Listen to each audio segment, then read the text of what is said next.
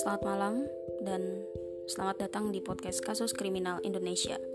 Kali ini aku akan menceritakan kembali salah satu kasus kekerasan dan pembunuhan yang terjadi di Indonesia pada tahun 1984 menimpa seorang anak bernama Ari Hanggara. Cerita ini dibacakan kembali berdasarkan tweet yang dituliskan oleh Ed Mazini underscore KSP. Begini ceritanya. Malam dini hari 3 November 1984, di saat kebanyakan anak-anak lain tertidur nyenyak dan mendapat pelukan hangat orang tuanya, kondisi sebaliknya terjadi pada Ari Hanggara. Bocah berusia tujuh tahun itu di tengah malam buta mendapat siksaan bertubi-tubi dari kedua orang tuanya.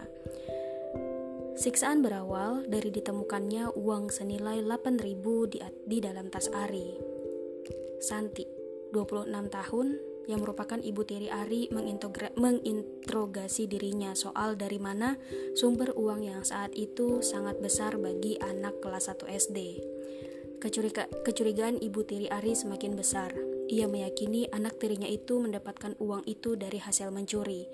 Terdesaknya Ari dengan berbagai pertanyaan membuatnya mengakui bahwa ia mendapatkan uang 8.000 itu diambilnya dari tas seorang pelajar SMA ya Persi Jakarta.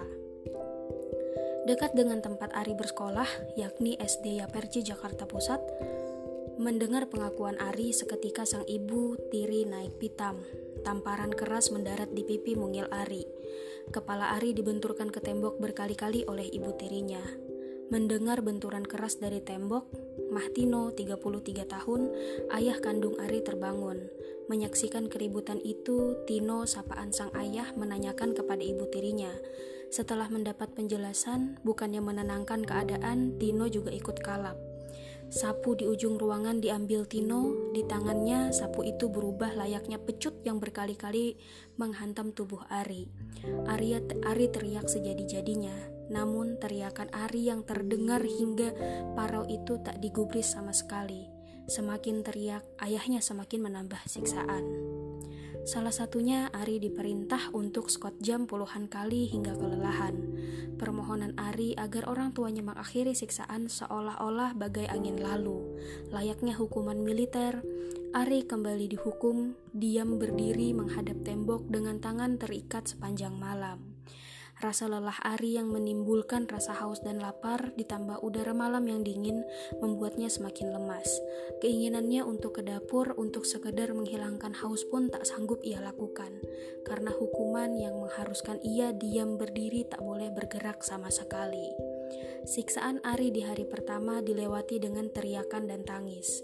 Namun di hari berikutnya, Ari hanya bisa pasrah mendapat siksaan lanjutan menangis, teriak, memohon ampun, tak lagi ia lakukan karena Ari tahu hal itu adalah perbuatan yang sia-sia. Orang tuanya tak akan berbelas kasihan terhadapnya. Pukulan, tamparan, benturan, dan juga berdiri tegak berjam-jam ia lewati selama lima hari berturut-turut. Pada 7 November menjelang subuh, Ari yang sedek, sejak malam dihukum berdiri oleh orang tuanya tak kuat menahan kantuk ia pun duduk sebentar untuk beristirahat dan memejamkan mata. Tino sang ayah tiba-tiba keluar kamar. Melihat anaknya duduk tertidur kelelahan, tak membuat Tino sama sekali iba atau berpikir bahwa anaknya manusia biasa, punya rasa kantuk. Ia bukan patung yang sanggup tegak berdiri lama tanpa goyah. Tino malah emosi melihat anaknya tak menjalani hukuman darinya. Seketika itu juga ia mengejak, menghajar habis-habisan Ari dengan pukulan bertubi-tubi, hingga anak kecil itu terkulai lemas. Keadaan Ari saat itu semakin lemas hingga ia jatuh pingsan. Tino seketika panik melihat keadaan anaknya, lantas membawanya ke rumah sakit Cipto Mangunkusumo. Namun, anak kelahiran 21 Desember 1977 itu menghembuskan nafas terakhirnya pada 8 November 1984. Wafatnya Ari adalah sebuah jalan Tuhan untuk kembali memeluk tubuh mungil Ari, menyelamatkan anak itu dari penderitaan dan kejamnya orang tua sendiri. Peristiwa penyiksaan itu segera menjadi kabar yang menyeruak ke seluruh Indonesia.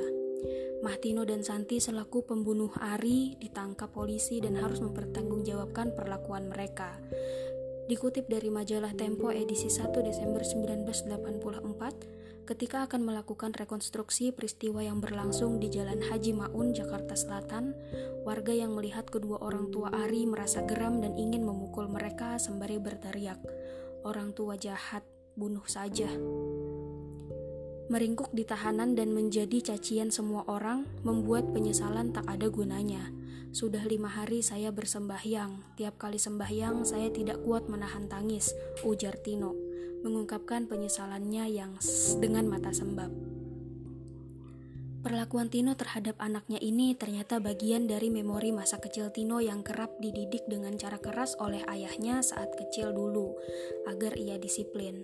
Saya ingin mendidik anak seperti halnya ayah mendidik kami dulu, kata Tino mengenang masa kecilnya. Ia juga mengakui saat memberi hukuman kepada Ari benar-benar gelap mata. Pria lulusan salah satu universitas di Belgia ini emosinya cepat memuncak akibat himpitan ekonomi dan dirinya saat itu sudah tidak memiliki pekerjaan. Ibu kandung Ari Hanggara, Dahlia Nasution 28 tahun terpukul bukan main atas nasib yang menimpa anaknya. Dahlia sangat kaget dan tidak menyangka bahwa mantan suaminya berubah menjadi bengis, tak seperti yang ia kenal. Ia tak pernah memukul anak jika salah, tutur Dahlia.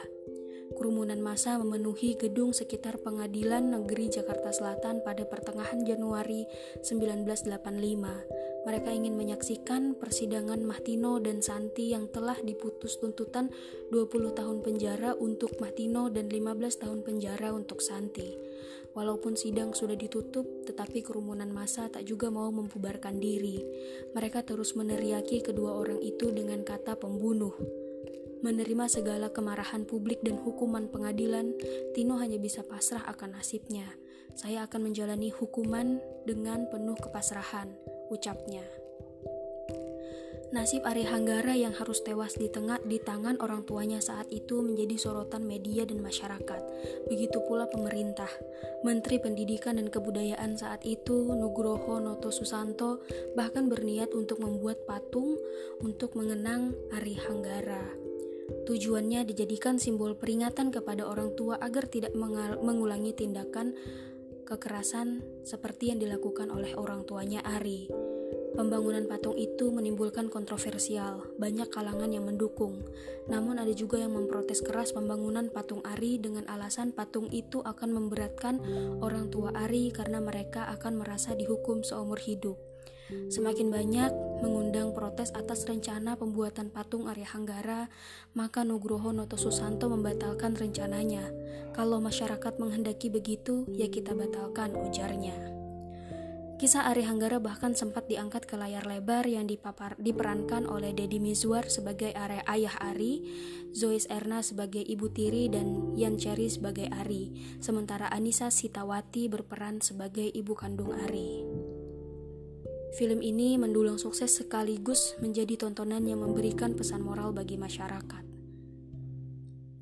Buat kalian yang penasaran dengan filmnya dan bagaimana alur ceritanya dari awal hingga akhir sampai akhirnya Ari uh, menghembuskan nafas terakhirnya, filmnya itu sangat bagus. Aku sudah nonton dan ya memang Ari adalah sosok bocah yang bisa dikatakan dia tidak bersalah tapi menjadi korban dari orang tuanya sendiri. Bagaimana menurut kalian teman-teman? Segitu dulu cerita untuk kali ini. Terima kasih sudah mendengarkan dan Selamat malam.